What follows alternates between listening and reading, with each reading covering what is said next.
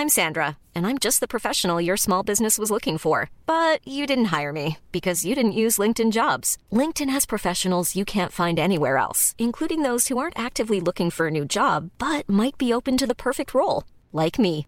In a given month, over 70% of LinkedIn users don't visit other leading job sites. So if you're not looking on LinkedIn, you'll miss out on great candidates like Sandra. Start hiring professionals like a professional. Post your free job on linkedin.com/people today. Hey there, it's Michelle Norris. I'm host of a podcast called Your Mama's Kitchen. When I travel, I'm usually looking for a way to find a taste of home when I'm not at home. And one of the things I love to do when I am at home is entertain. And Airbnb allows me to do that. When I was in California recently, I rented a house that had a great kitchen. And when we were sitting around the table, we we're all thinking, we're in someone else's house. Someone could be in all of our homes as well.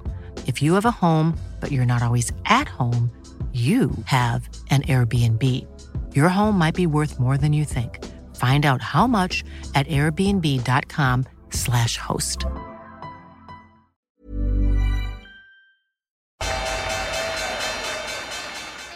They mistook leverage for genius. Leverage for genius. I would recommend Japan. The governments don't rule the world. Goldman Sachs rules the world. Velkommen til episode 193 av podkasten 'Tid er penger', en podkast med Peter Warren. Jeg heter Sverre er produsent, og i dag er det fem tema. Snakk om markedet som så langt i 2023, om dem som søker action i markedet, og om det er en god idé. Litt om trades, litt om, eh, om det faktisk er 90% strømstøtte over 70 øre, og om magien i tech, og det begynner å falle fra hverandre om det henger sammen med renta. Da tror jeg vi går i gang med episode 193. Det er på tide med et lite sponsa innslag. Det som betaler for podkasten her. Men- det vi jobber med, er at reklamene skal være bra, skal være verdifulle, og vi er nøye med hvem vi jobber med. Og dagens episode, så mange episoder i starten av podkasten, og, og nå i nyere tid også, så denne episoden sponsa av IG. Tidligere IG Markets, nå kaller de seg IG. Vi snakker mye om tekniske detaljer, og vi snakker mye om garantert stopp og de bra produktene de har. Men la meg bare gå gjennom hva du kan handle på IG nå. Så nå sitter jeg med, med terminalen foran meg og logger inn. Lett å lage konto, lett å signe opp, lett å overføre penger. Alt er så lett. Men la meg bare si, da. Du kan handle indekser, så vidt jeg kan se, alle indekser i verden. Mer eller mindre. Ekstremt med indekser. Så nå er jeg inne på indekssida. Det er en 50, nei, 100, ca. 100 indekser her. Eh, så du kan gå like lett long og short alle de. La oss gå over til valuta. Du har selvfølgelig alle de store valutaparene. Eh, skal vi se her um, Du har de mindre valutaparene, f.eks.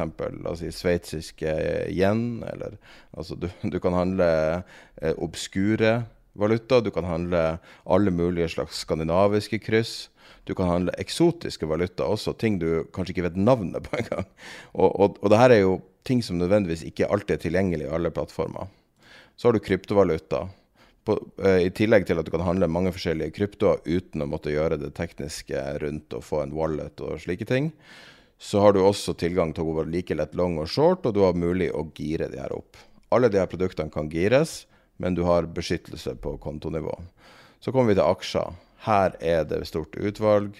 Stort, stort, stort. Nå sitter jeg og scroller. Jeg vet ikke om du hører. Hører du musknappen? Hør på det her.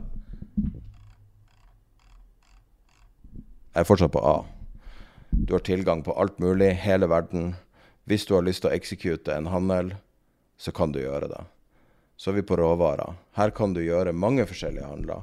Og du kan gjøre det på ting som kanskje kommer opp i podkasten av og til, som er f.eks. i futures-markedet. Nå er ikke det det letteste å gjøre fra Norge nødvendigvis med en vanlig megler. Her har du tilgang til å uttrykke de handlene. Obligasjoner og rente. Du kan handle stort sett alle obligasjoner du naturlig vil eh, være eksponert for som nordmann. Selvfølgelig finnes det mer ting i et profesjonelt marked, men du har tilgang til det her, og det er det som er så fint. Og så har du ETF-markedet, som da eh, basically alt. Altså ETF det er også helt enormt. Du hører kanskje scrolleknappen igjen. Så det her var CFD-biten på IG. Utvalget på CFD-er er enormt. Og så er det viktig å huske, på IG skal du handle døgnet rundt, så fremt at papiret støtter det. Eh, Du kan handle aksjer, kryptovaluta, alt det, både fra mobilen og fra skjerm. Og du kan gå og åpne en konto i dag på ig.com.no, men det letteste er dere bare å google IG. Og som alltid må vi alltid si det samme. Det er veldig lett å tape penger hvis du investerer. Det er lettere hvis du girer opp. Det beste du kan gjøre, er å være konservativ og ta det rolig. Kjenner du ikke systemet, prøv demofunksjonen først. Tror vi går tilbake til podkasten. Nytt år, nye muligheter. Nei, vent, vi har allerede hatt en på nyåret. Det har vi. Fucka den opp. Dette er den første uh, fulle uken. da, Var ferdig for, altså Sist uke ja. var den. Ja, det var ikke full uke heller, for det var jo USA disse åpnet jo først på tirsdag. Hvordan syns du nyåret starta? Det har jo Jeg vet ikke, det har vært litt rolig, har det ikke det vært starten? Uh... Nei, altså eh, jeg har jo Jeg tror jeg, jeg nevnte en, en, en, av de siste podkastene i uh, i fjor at uh, den første dagen kommer jeg ikke til å trade. Første dagen inn i det nye året jeg har dårlig erfaring med det. Jeg har stort sett alltid tapt penger på det. Og fordi det kommer sånne ekstrem, plutselig ekstreme bevegelser. Og hvis du ser intradag, så har det absolutt vært slike. Både når det har kommet tall, men også ved, ved New York åpning. Og akkurat når, eh, når det nye året begynner, så er det mange som gjerne skal ha gjort ting Altså enten de skal ha eh, snudd på porteføljene sine, eller de skal ha noe, eller de skal ut av noe, eller så, og, det eh, gjør at uh, dynamikken den dagen, eller anatomien gjerne, den er ofte veldig forskjellig fra, fra andre dager. Så, så klok av, av, den skaden, så, så, har jeg vært mye mer forsiktig. Kan jeg stille et spørsmål på, på det? For jeg, kom til å tenke på hva var det egentlig, hvordan det føltes første uka. Og det som overraska meg, var at volatiliteten holdt seg lav, og tilsynelatende samtidig at uh, volumet virker å være like lavt som før jul. Jeg trodde det skulle komme tilbake i større grad, men jeg, jeg tenker bare hvordan du ser bevegelsene. Jeg har ikke gjort en volumanalyse. Nei, altså du kan, du kan Altså jeg Jumpiness var absolutt der, hvis du ser på Altså jeg ser på sånne ting som amerikanske uh, aksjeindeks futures når, når markedet åpner der, og rentefutures, altså tiåringen, 30-åringen, olje for den saks skyld, gull, sølv. Uh, disse, altså et utvalg av råvarer, et utvalg av valutaer, et utvalg av aksjeindekser og, og, obligasjoner. Og du ser jo at det er spiky, og at, at uh, marketmakerne flytter seg råfort for uh, når det kommer noe som helst uh, volum. Men annet enn altså, jeg, altså Tilsynelatende, når, når du ser på slutten av dagen, kanskje bortsett fra på, på, på, på fredag hvor du fikk den der reversalen til, um, til, til, oppsiden, men med unntak av det, så syns jeg det var altså, Så du på det på slutten av hver dag, altså en gang om dagen, så var det ikke noe lå det ikke noe dramatikk i det, men underveis der så, så var det absolutt spikes og, og, og, ting som Altså sånne veldig kortsiktige korrelasjoner som plutselig brøt sammen og ikke virket osv., rett og slett pga. ordre. Men det, det, for annet enn en kortsiktige, eller de som skal få ordrene sine fylt, som har, har store ordre, så, så, merkes jo ikke dette. Uh, dette er ikke noe som lager avisoverskrifter, for, for, å si det på den måten. fordi det merkes ikke i det, men det merkes i slippage, altså det at du, du prøver å kjøpe eller prøver å selge uh, et, da et litt større beløp, og så får du en litt dårligere kurs enn det du hadde tenkt. Så det er sånn du egentlig, egentlig merker det. Men jeg, jeg, hadde ikke forventet noe sånn spesielt høy volatilitet, fordi det kommer som regel et, altså Da må det være en, enten en, gjerne en hendelse eh, som inntreffer. Og Vi så jo f.eks. rebalanseringen som vi snakket om. Nemlig at rebalanseringen skulle gå fra aksjer til obligasjoner, fordi obligasjoner hadde falt forholdsvis mye mer enn en aksjer. Altså sånn i, uh, i, i, i, hvordan man porteføljevekter ting. Og det, og det, var jo unnagjort, veldig mye av det var unnagjort før, Eh, før årsslutt. Så, det, eh, så vidt jeg kunne se, var det det. Um, og det forklarer også noe Jeg ser at noen kommer ut og sier at, den, at uh, obligasjoner er, um, er, de, er, er, voldsomt populært. Hva var det de brukte? At det var mest overweight. Men jeg, jeg, forstår ikke helt at du blir overvektet av det, fordi du har allerede tapt såpass mye i obligasjoner, så det egentlig er Du skal opp i den vektingen du hadde. Men samtidig fordi obligasjoner har da gått fra nær nullrente til 4% f.eks. rente, så vil det jo av naturlige årsaker være en rekke investorer som går og kjøper seg opp i obligasjoner nå, for nå får de eh, faktisk en avkastning fra, fra, fra, disse papirene. Og nå begynner de da også å kunne virke i en portefølje, litt etter den som var forutsetningen for 60-40. Hmm. Er det ikke litt bemerkelsesverdig hvor mange analytikere som er negative på en gang til året? Banker, meglerhus, investeringsbanker? Ja, artig sak der, det er jo at en av de som, som jeg syns er kanskje minst eh, negativ, altså, eller er, er, faktisk positiv, for de tror ikke på resesjon i USA og alt dette her, og er, er liksom sånn positiv på den måten, Goldman Sachs, de meldingen i dag kommer at de sier, de sier opp 3200 ansatte. Som, som, er til de grader mo, en mot, selvmotsigelse i forhold til deres syn på, på, på fremtiden. At, at, jeg kan ikke synes at det er annet enn morsomt. Det er nok et sånt tilfelle med dem.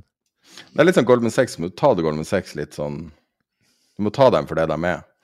Når du leser Kina-analysen, ja, ja. så må du vite at det her er en business case, det er ikke en analyse. de er ute etter business i Kina, så du må alltid ta det med en klype salt. Mm. Men, uh, men, Goldman Sachs er jo sylskarpe folk. Det er jo ingen som er skarpere enn dem. Så det at de sier opp folk, burde jo du ta veldig seriøst, for det er jo ledelsen sin egen, egeninteresse. Jo, men, men, poenget mitt er, og jeg er helt enig i det du sier, og, det du, og konklusjonen din er egentlig den samme som jeg trekker. altså Det er, det er en forskjell. Ikke, ikke hør på hva de sier, se på hva de gjør. Og, og, det de gjør, er å si opp 3200 ansatte. Så hvis, hvis du, så, hvis, hvis du virkelig syns at fremtiden her så ganske rosenrød ut, så vil du sannsynligvis ikke si opp 3200 ansatte. Det er, det er, det er min uh, konklusjon. Det er også et viktig poeng da, i forhold til det der. Ikke hør på, på hva de sier, se heller på, på, hva de gjør.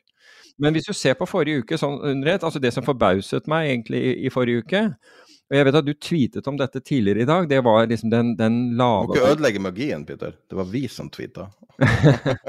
ok, det var vi som tweetet da, i hvert fall at volatiliteten i, eh, i, i krypto, og du henviste bitcoin, var er vel, den, er, den, er, vel nær historisk lav. Eller i hvert fall hvis du måler den over jeg vet ikke, den siste måneden eller et eller annet sånt. Altså du fikk den der nedsalget da selvfølgelig da FTX gikk over ende fordi mange hadde stilt uh, bitcoin som, uh, som sikkerhet. Men i forrige uke så var det jo faktisk kryptoselskaper, som, som, altså selskaper forbundet med krypto, som, som, steg, som, steg, mest. Altså, også her i Norge. Altså, det var vel den Norwegian Block Exchange som, gikk opp 19 men, altså var, men Galaxy var opp, var opp 14 eh, og du så flere av disse selskapene uh, gjøre det bedre. Det gjaldt selskaper innenfor for blockchain osv. Uten at jeg så noe egentlig i, i den kryptoverden som skulle tilsi at uh, ny optimisme. Nærmest tvert imot. ikke sant? Du har du har Hva det heter Silver, Er det Silver Lake eller Silvergate? Silver Lake? Silvergate. Silvergate det, ah, Snakka vi om det i, i podkasten? Nei, jeg tror vi aldri gjorde det. Den, eh, den vi snakka om det. du og jeg snakket om det. Du var veldig negativ på det. Jeg mente egentlig å, å, å, å ta en, en, posisjon på det, og kom aldri til å gjøre det. og Det angrer jeg selvfølgelig på, på, på nå. Men du hadde Altså, du, de ble omtalt, og andre har blitt omtalt, og selvfølgelig dette som foregår rundt Sam Bankman Fried og hans arrestasjon, men nå er han jo ute på uh, hva heter bail på norsk. Ute mot kausjon. Um, men i hvert fall før pending at en sak skal komme opp og folk i systemet der har innrømmet svindel, og det er, det er liksom ikke måte på. Um, så vil du tro at det var, var, negativt, men i hvert fall den, den sektoren, om du, om du, vil kalle det det, det hadde jo et, et oppsving i, um, i, i, forrige uke. Og i dag så, så passerte jo også, i hvert fall tidligere i dag. Nå har ikke jeg fulgt med på det senere, men da passerte bitcoin opp gjennom, gjennom 17 000 igjen. Og både det, det, er jo så Men der er, har jo liksom de aller fleste vært sånn ensidig negativt og sagt at den skal under 10 osv., så, videre, så det kan hende at alle som kunne tenke seg å selge, har solgt, og, og at uh, og at det får noe mer, mer, støtte. Men hvis vi ser lenger ned på, på listen, så gikk jo eh, bulk, eh, bulkratene i forrige uke, og den ETF-en som man kan kjøpe hvis man, eller handle hvis man har tro på at bulkrater skal gå en eller annen vei, den Breakwave den var opp eh, 9% og 20-årige statsobligasjoner, ETF-en for det, 20-årige eh, amerikanske statsobligasjoner, var, var opp 6% i forrige uke. Eh, MSCI World, altså verdensindeksen for aksjer, var opp 1,8% Oslo Børs var marginalt ned, noe sånt som 0,3% Men på, på, nedsiden, så hvis vi tar de omvendte rekkefølge, altså, så var brent olje ned 7% Tesla var ned 8 Strøm, eh, Nordpol eh, for Q2, var ned 14% og amerikansk naturgass falt 16% Jeg mener at europeisk eh, gass var, var ned ca. 10 Så Det var de store bevegelsene. Lå, altså, lå i, eh, i, i råvaremarkedet og krypto i forrige uke. Så du Move-indeksen? Både Move-indeksen og VIX er også ned. Ja.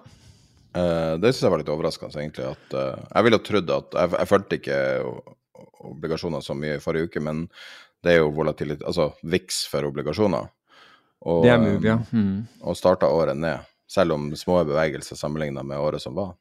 Veldig små, og den, den, har jo Altså, Move var jo veldig høy i, i, fjor, og det samme var volatiliteten på enkelte, enkelte valutaer i fjor, så det var der liksom det store sving, altså Move, som da representerer da blant annet, altså amerikanske eh, statsobligasjoner, altså volatiliteten i amerikanske statsobligasjoner. Så, og den var veldig høy, så jeg, det, det, forundrer meg egentlig ikke at Move kommer ned, for den har da vært på historisk høye nivåer nå eh, en, en lang stund. Og når det gjelder, når det gjelder Vixen Altså jeg er enig, altså jeg syns Vixen i, i, dette området så jeg så vil jeg ikke være selger av, av VIX, men vi har jo også hatt uh, ganske store salg av uh, utstedelse av opsjoner helt på, på, på, slutten av året. Morgan Stanley-fondet og JP Morgan-fondet som Altså JP Morgan-fondet er jo altså Alle mener at det er eh, short wall-fond, men, men Nettvega i den mener jeg er, er, er litt lang, så jeg er, ikke, jeg er ikke enig i den. Men Morgan Stanley, som da utsteder uh, strangles, som er out of the money puts og out of the money calls, på SMP 500. Den, den, er jo stor og systematisk, så den bidrar nok til å, også til å, å, dempe volatilitet. Kaller ikke folk det fondet for voldkiller, at det har en sånn stor uh, funksjon, altså funksjon, i markedet der det, det kveler volatilitet pga. posisjonene er så store? Jo, jo, det vil jo være altså Du kan si når noen er så store i markedet, så vil det jo være det. Men det er jo akkurat det der med å være veldig stor i markedet. Hvis du tar feil, så blir det fryktelig kostbart for deg å, og dekke deg inn. Fordi hvis det, da kursene skulle da Altså volatiliteten skulle, eh, skulle akselerere oppover, og, og kursene f.eks. suse enten til nedsiden eller hardt til oppsiden, så må dette fondet eh, begynne å dekke risikoen sin, for de vil få margin call. Så enten må de flytte striker oppover eller, eller begynne å hedge med future. Så uansett så vil de påvirke markedet eh, mot seg selv. Så dette er altså å være sånn systematisk short vold. Da er du et forsikringsselskap. Du får inn en premie, men du vet ikke, du vet ikke eh, skadeomfang. Så det var som da da vi hadde det, det, det VIX-fondet Hva var det? XIV. XIV, ja. Det, ikke sant? Som da hadde tjent vanvittig med penger. Det var jo en Det var, det var en ETN, hvis jeg ikke tar feil. Fordi det var, det var Credit Suisse, var det ikke det, som jo. sto bak den? Um, kan du kjapt si forskjellen på ETF og en ETN? Ja. Altså En ETN er en Exchange Traded Note, og en ETF er en Exchange Traded Fund. Og Exchange Traded Note er da utstedt av altså Begge kan være utstedt av for så vidt av en, eh, av en bank eller et stort eh, finansforetak. Men, men ETN jo har jo da gjerne Credit Suisse som marketmaker, fordi det er deres note. Det er deres kredittrisiko kun. Mens i en ETF så har du gjerne mange marketmakere, så, så du kan si at kredittrisikoen din er større i en ETN enn den er i en ETF. og Det er ikke så mange som tenker på. Men i det, det tilfellet vi merket det veldig godt uh, i det tilfellet med XIV, som er VIX baklengs. Altså de var rett og slett systematisk short uh, VIX-en. Fordi da VIX-en dro rett til himmels, så skjedde det Altså, folk hadde jo tjent vanvittig på, på å kjøpe dette, denne ETN-en og, og, tenkte på det som et fond. Jeg husker, implode, altså Hvor mye var den? Falt den så mye som 90% eller var det over 90% Altså, Vi så det jo i real time. Ja. Helt tilfeldig satt både jeg og du fulgte markedet sent ja, kvelden. du, det var du som gjorde meg oppmerksom på det. For jeg, var, jeg, jeg satt i Miami på det tidspunktet, og så, og så, får jeg en tekstmelding fra deg med liksom hva er det som skjer der? Altså, jeg har alltid vært fascinert av XIV og VXX. og altså, Det er litt sånn mystiske instrumenter som alltid altså, De, de er kompliserte, og, og det, det, er jo bare sånn generelt Man må lese prospekter, og du må skjønne hva du investerer i, og det gjør veldig få. Apropos, jeg har en venn som tapte millioner på det fondet, fikk jeg høre etterpå. Fordi han satt uh, Han hadde ganske stor posisjon i det. Ja. Det som skjedde, var at uh, det var masse uh, Det var masse fokus på det, og så var det store bevegelser. Og så Um, om det var etter stengetid eller siste timen, det husker jeg ikke, men de måtte i hvert fall hedge seg opp i VIX Futures. Og når du ser i prospektet, så står det at i enkelte markedssituasjoner så kan det gå til helvete. Mm. Og så var det en kombinasjon av uh, litt sånn som med LTCM og alt mulig annet. Altså når noe umulig skjer, eller noe uvanlig skjer, så plutselig er de i en skvis, og så jakter de prisen. Altså Da blir det enten som en gammaskvis eller en short-skvis. Du må jakte prisen, og uansett, så hver eneste ja, ja. pris du får, så treffer du et nytt nivå, og så, og så er det liksom limit down hele tida. Og der var det jo i løpet av, om det var en halvtime i samtidig 20 minutter. 20 minutter tok jeg, husker jeg, jeg, jeg, så det bare, for jeg satt akkurat da og så på, og så så jeg at XIV plutselig var ned 5% så ikke alle dager er det. Når du sa det til meg, og jeg gikk inn og, og Altså, jeg, jeg, hadde jo The Thousand Yard Stare uh, som det var, for jeg satt på, på verandaen på hotellet og drev og så, ut, og så ut på havet. Og så, når jeg kikker på den, så, så får jeg sånn der jeg, jeg tror jeg ser Det var litt, litt som The Flash Crash. Jeg, tror ikke på tallene jeg ser. Um, og jeg tror at noe har hengt seg opp altså i informasjonssystemet. Og det tar meg, det tar meg jeg vet ikke, et halvt minutt før jeg virkelig forstår at dette her er real. Men så kom jo ganske fort den, eh, den meldingen er at de, de, skulle, at de, ville stenge fondet. At de ville, at de ville oppløse fondet.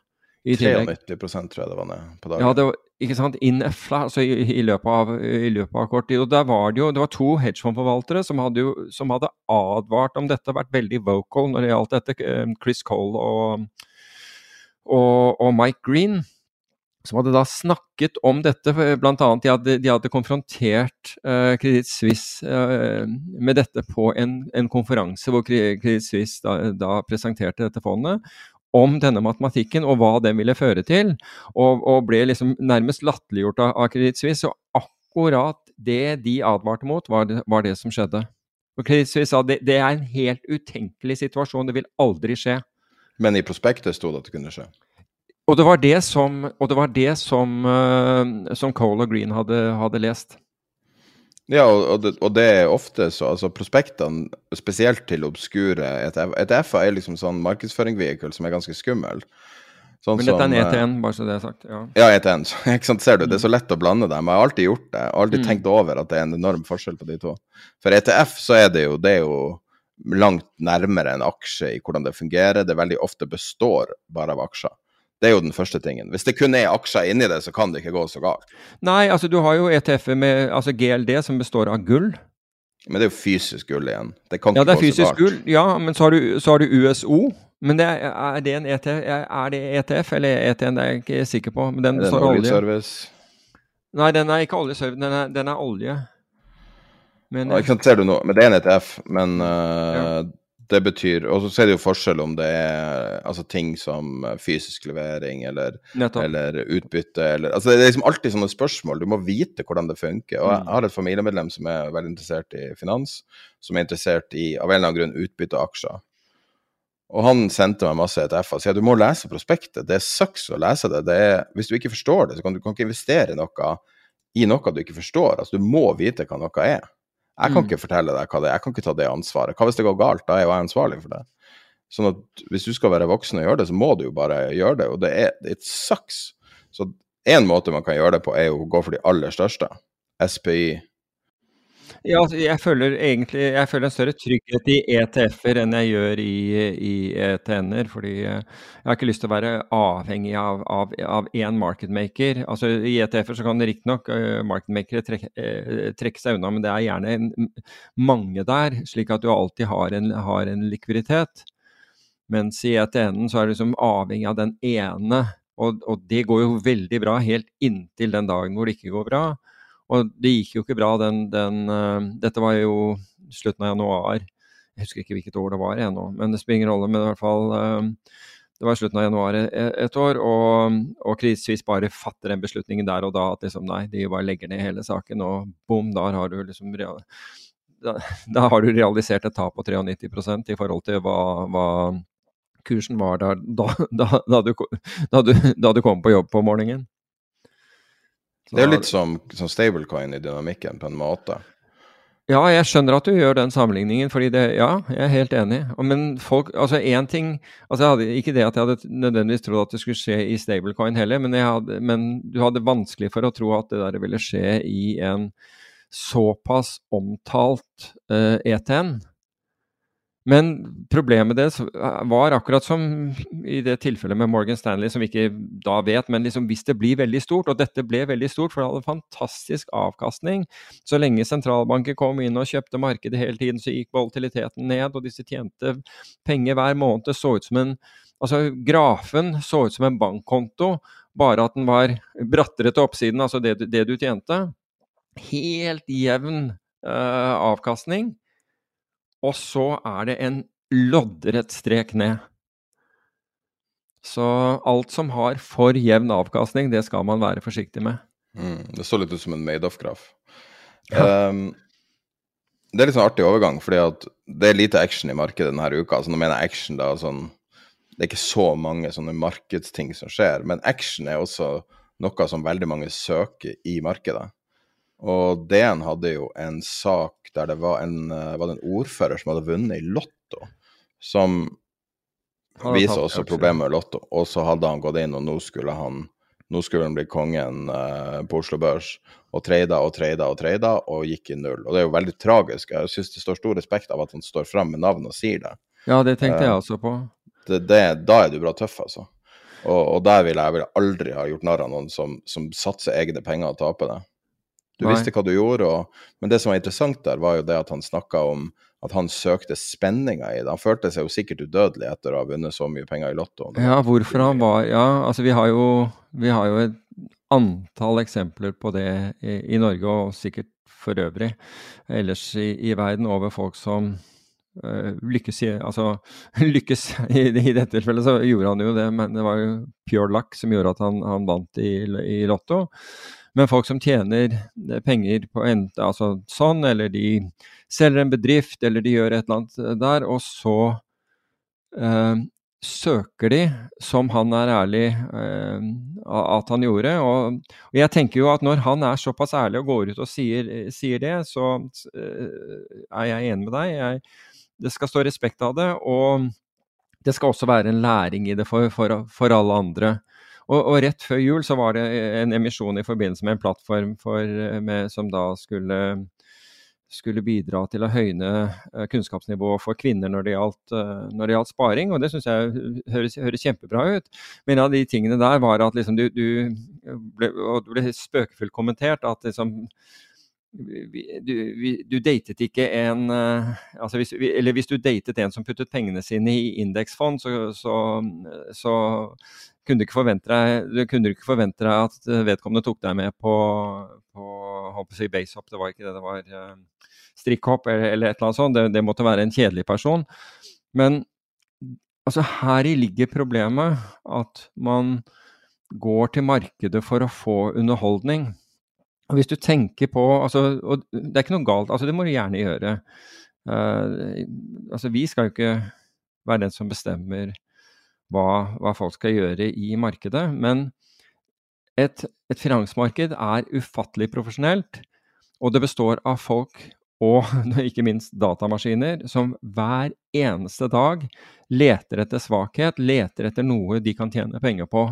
Og som har det som eneste yrke og eneste målsetting. De kommer på jobb tidlig om morgenen, de leser alle mulige rapporter, setter seg bak datamaskinene sine, følger med og ser etter muligheter for å tjene penger. Og, og da tro at du som tar dette som du er ute etter å bli underholdt, skal komme vinnende ut av det, det er, altså, det er som at du, du, har liksom sittet og, og spist junkfood foran TV-en i, uh, i, uh, i, de siste fem årene, og så går du ut på Bislett for, for, for, å, for å, løpe for, og tror du skal hevde deg en 800 meter uten oppvarming. Det vil bare ikke skje. Altså, du kan ha griseflaks fordi alle andre tryner akkurat den der dagen. Eh, noen blir rammet av lynet eller et eller annet sånt. Men over tid så vil du bli mat for de som har dette her som seriøs jobb. Så jeg ville jo sagt det der at hvis du er ute etter Vi har alle ulikt spenningsbehov, jeg vet, eh, jeg vet godt hvordan det fungerer, men forsøk å ta det ut på mindre kostbare steder enn i, i finansmarkedet. Og, og, men hvis du ønsker å gjøre det i finansmarkedet, så, så gjør det med en begrenset sum. På, på, samme måte som hvis du skal i operaen, eller du går på et kasino, eller du spiller lotto, eller hva som helst, så gjør det med en begrenset eh, sum. Og ikke liksom bli um, hva heter det, addicted to it. Uh, ikke bli avhengig av det. Fordi det vil bli smertefullt. For det, altså, det flere handler du har, det større sannsynligheten er, er, er, sannsynligheten for at du taper penger. Fordi du har oddsene mot deg når som Når målsettingen din er spenning eller underholdning. Og Det er som å gå inn på et kasino. Du kan liksom sette ned altså, alle skjetongene på på, på fire, og så kommer det opp. Men det er jo ikke dyktighet. Det, det er jo bare griseflaks. Og, du, og, og, hva burde du gjøre da? Jo, du burde gå rett bort til vinduet, cashe inn skjetongene dine og komme deg ut derfra så fort som mulig. Fordi du vet at hvis du nå satser på et nytt tall, altså sannsynligheten for at du, at du tar den der to ganger på rad, den er bortimot lik null. Så, så jeg tenker jo at kan, altså, når du leser sånne historier, og folk er ærlige om, om, hva som har vært motivasjonen og hvordan det gikk, så tenk liksom på hvordan hvordan kan jeg gjøre det motsatte, for å si det på den måten. Og det motsatte er ikke det nødvendigvis at du skal holde deg unna, men at du planlegger det du gjør, og at du er, forsøker å være optimal når du, når du setter deg ned, om det er en investeringsbeslutning eller altså hva, hva, er metoden din? Det kan ikke være at 'Å, jeg ser den går opp, jeg tror jeg kjøper den'. Det, så naivt er ikke markedet at, det, at markedet vil um, reward you over time, uh, nødvendigvis for den strategien. Og så vet jeg at det er ting som Altså hvis du har og Dette vet jeg av egen smertelig erfaring, altså sånn revenge trading. altså Du har akkurat tapt på noe, og så skal du prøve å vinne det der eh, tilbake igjen med en gang. Sannsynligheten for at du skal klare det, er langt under 50 Sannsynligheten er med andre ord mye større for at du kommer til å tape på den også, fordi du er ikke i balanse. Du ville ikke ha gjort den handelen hvis du ikke hadde hatt den emosjonen i det øyeblikket, som er hevn. Og det er ikke en, god, det er ikke en bra motivasjon. Så det er mange sånne ting. Og, og det, der å kjede seg du sitter der hele dagen, finner ikke på noe å gjøre. Fordi er, du ser ikke noen muligheter, og så tenker du bare jeg kan ikke Jeg sitter her hele dagen. Ah, jeg bare gjør noe, bare så jeg får tjene litt.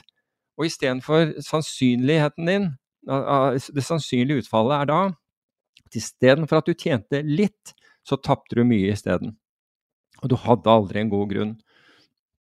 Så én måte du kan unngå eller bevisstgjøre slike ting, det er at du én har regler for, for, for, hva du skal gjøre. og På forhånd finner ut hva du skal gjøre. Altså, du kan lage Bestemme deg den der dagen at hvis Equinor faller til det nivået, der er jeg interessert i å kjøpe, f.eks. Skriv det der ned, så det står der.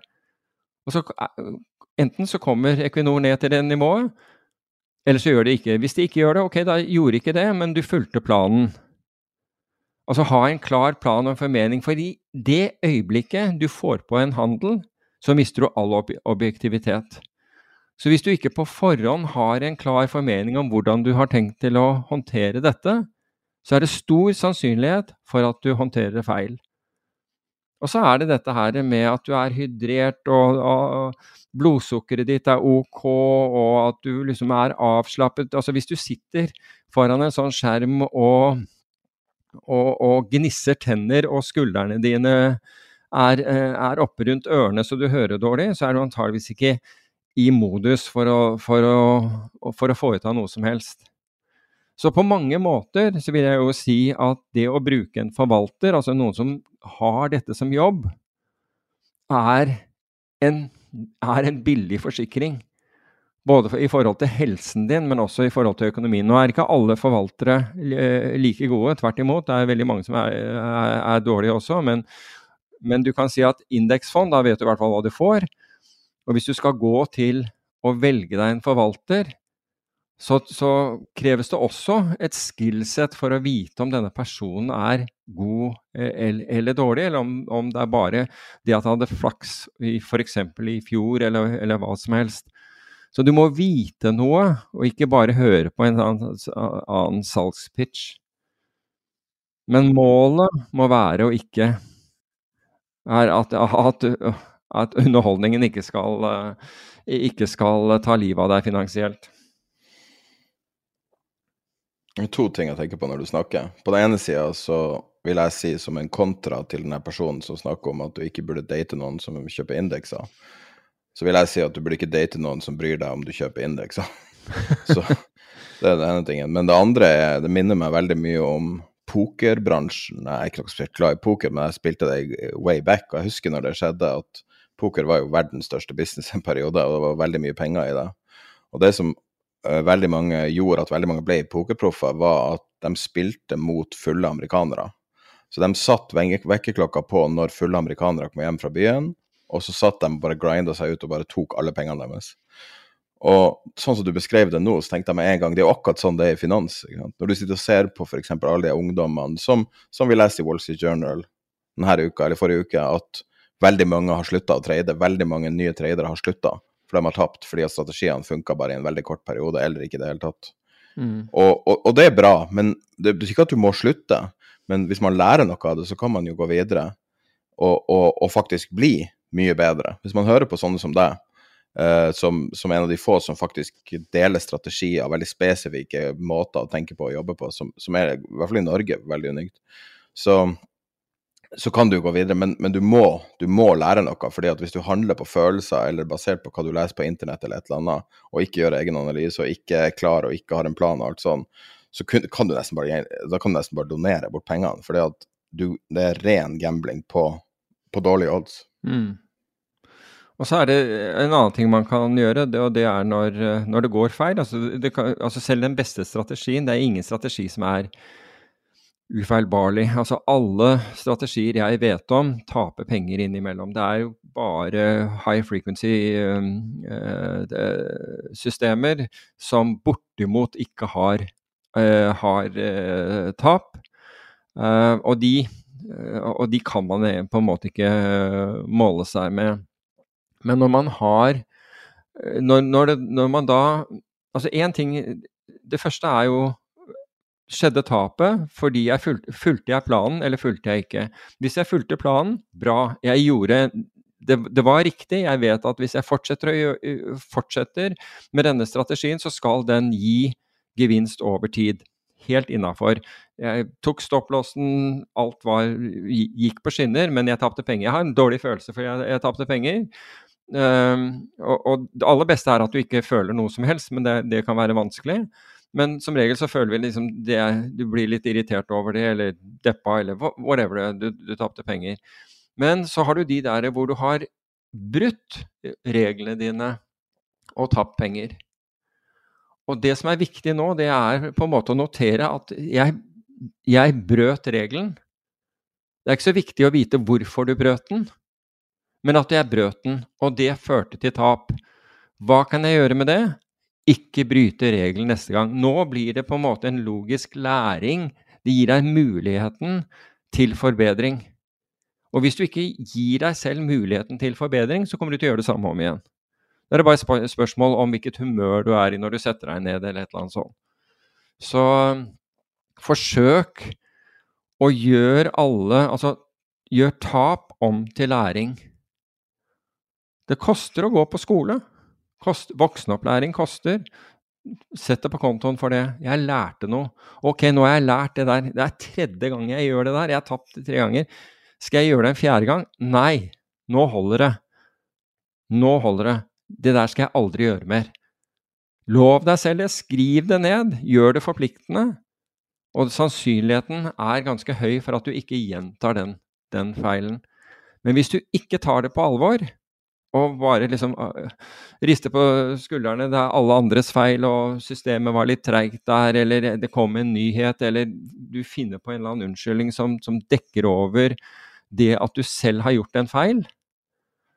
Da kommer, da, da kommer noe til å sparke deg ned. Da kommer, du til, da kommer du til å få et spark i bakhodet ved neste anledning også, dessverre. Du lærer mye om deg selv i, uh, i, uh, i finansmarkedene. Nå er jeg ganske si, ny, jeg har jo aldri vært en trader. Og som jeg har sagt i en tidligere episode, så satt jeg på noen trades før jul. Og jeg oppdaga noe interessant psykologisk med det her. Eh, når man gjør det via opsjoner For det første så er summen du går inn med, relativt beskjeden sammenligna hvis du skal ha samme eksponering via, direkte via aksjer eller andre instrumenter. Mm. Eh, så det, det ene. Og, og det andre var at jeg hadde ingen emosjonell tilknytning til det. Så om det går opp eller ned, ja ja. Om jeg går i null, ja ja. Om det går bra, flott. Jeg vet nøyaktig hva jeg ville skulle skje, og hva jeg var interessert i. Men, og jeg fulgte med på det. Men når man gjør det via opsjoner, så tror jeg oppriktig du har en annen psykologisk approach til det. Og det er nettopp det at det er ikke så farlig om du taper. Du setter på en ny en senere, for du har råd til å gjøre en ny en. Fordi at du taper bare 3% eller 5% eller 1% av mm. det som er eksponeringa di. Og, og, så kan du Det er så utrolig interessant det der å kunne sette så spesifikke trades. Og kunne Når du har Én ting er jo strikeprisen, men når du har det med, med mm, tidsverdi og hvordan det fungerer i et marked, også psykologisk, syns mm. jeg er veldig interessant. For det er virkelig set and forget så kan du beholde, du kan beholde høyst spesifikke eksponeringer. Du kan sette kombinasjoner relativt lett, der du kan gjøre vel, Hvis du har et veldig spesifikt eh, estimat du prøver å oppnå. Jeg bare syns at Men alt det her visste jeg fra før, men den ene tingen jeg ikke visste, var nettopp det med det psykologien av opsjoner. Og det kan være at det bare er som er sånn, hvem vet. Men nei, altså, jeg tror kanskje du, du, det er noe i det. Nei, en annen ting er at når du har gjort ting gjennom opsjoner og forutsatt, forutsatt at du er, du er long uh, opsjoner, eller i hvert fall ikke netto short-opsjonene, så kan du være borte. Altså, du kan bli syk, du kan reise på ferie, du kan gjøre mange sånne ting uten frykt. Ikke sant? Du vet nøyaktig hva du har, uh, hva du har satset. Og det er ikke noe fare for liksom at du kommer tilbake og verden har liksom to totalt forandret seg. Um, jeg kan nevne uh, selv, fordi, uh, og det var ikke en spesielt go godt utført uh, trade jeg gjorde, men, men oljeprisen hadde gått opp, og jeg tror den har vært opp i 77-78 dollar eller noe sånt. og Dette er uh, amerikanske WTI. Den kom ned på 75 dollar, så, så satte jeg på en opsjonsspredd, altså en, en, en call spread, hvor hvor jeg kjøpte en opsjon og utstedte en annen opsjon fem dollar høyere. Jeg betalte da 1 dollar 30 for noe som kan da gå litt over, uh, litt over tregangeren. Nesten firegangeren. Uh, og, og poenget var at kort etter da, de nærmeste dagene så faller da uh, oljeprisen videre. Altså den går ned gjennom 75, går gjennom 74, går ned gjennom 73 og handler nede på 72. Ikke 72 blank, men 72 og et eller annet. Og Hvis jeg hadde hatt den samme posisjonen med de samme antall kontraktene og bare kjøpt olje, så hadde jeg antageligvis stoppet meg selv ut.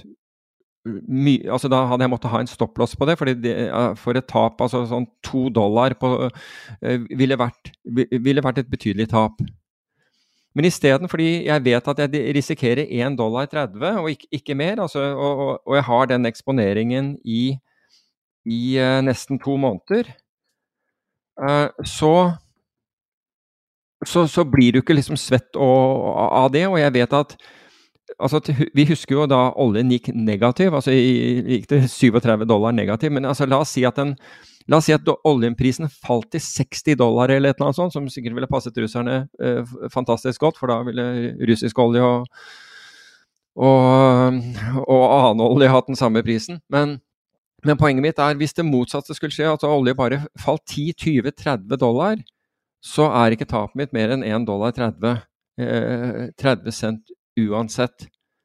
Så det er et sånn godt eksempel, og det er vel egentlig det du er, du er inne på. altså det er jo avhengig av hvor mye du satser. Når du snakker om at du satser 2, 3 eller 5% av, eh, av, eh, av kapitalen din i, i, i en trade, så Men ikke av kapitalen, av verdien av underliggende. ikke sant? Så hvis du har lyst på ei eksponering, så det er jo avhengig av hvordan sånn, ja. opsjonen ja. priser osv. Men man må jo også se i forhold, fordi man skal jo ha man, Det er jo det med, med, opsjoner er jo at det er en opsjon på no, noe, det kan gå den andre veien også. så du må jo da ha anledning Altså hvis, hvis du har liksom puttet hele kapitalen inn i det, og alt det, da vil jo selvfølgelig psykologien komme inn. Altså Hvis jeg hadde all min hele formuen inn på at, at oljeprisen skulle gå oppover, så ville jeg bli ganske påvirket av at den falt, fordi jeg ville vite at liksom, jeg tapte formuen.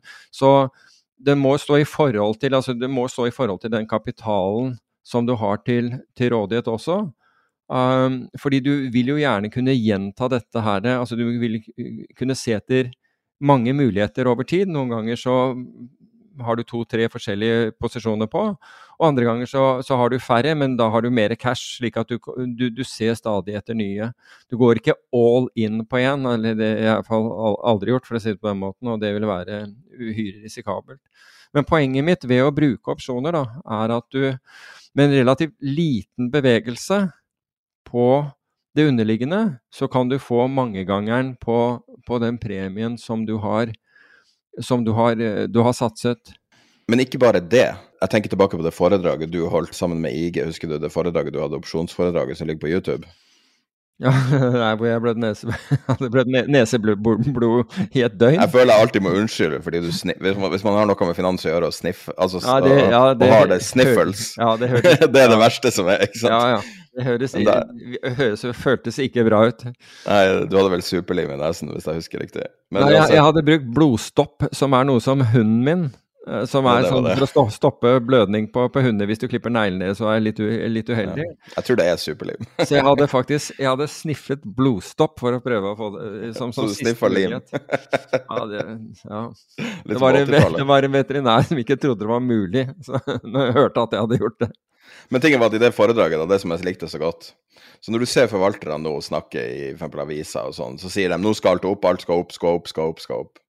Og grunnen til at de sier det skal opp, og også ofte ordet 'skal', er jo også fordi at deres inntektsgrunnlag er jo delvis basert på det. ikke sant? Mm. Men det som er så artig med det foredraget, er markedet gjør det markedet gjør. De instrumentene gjør det de gjør. De som sier de kan spå noe, lyver sannsynligvis, fordi ingen kan spå det noe som helst. Uh, hvem spådde krigen i Ukraina, hvem spådde covid? Hvem, ingen gjorde det. Men, men, det man kan gjøre med opsjoner, som du elegant visste i det foredraget, var jo at, at hvis markedet er flatt, så kan du tjene penger på det. Hvis markedet stiger, så kan du tjene penger på det. Hvis det faller, kan du tjene penger på det. Mm. Hvis en spread går ut, kan du tjene penger på det. Hvis du forventer at et eller annet skal skje, så du, men så vil du også ha betalt for å få den spesifikke eksponeringa, så kan du gjøre det. Så de strategiene er jo 50, 60, 70 i hvert fall forskjellige opsjonsstrategier, men kanskje mye mer enn det også. Så når du kan oppnå en sånn høyst spesifikk eksponering, og det syns jeg er så attraktivt, og ikke minst det at du kan tjene penger når ting ikke flytter seg.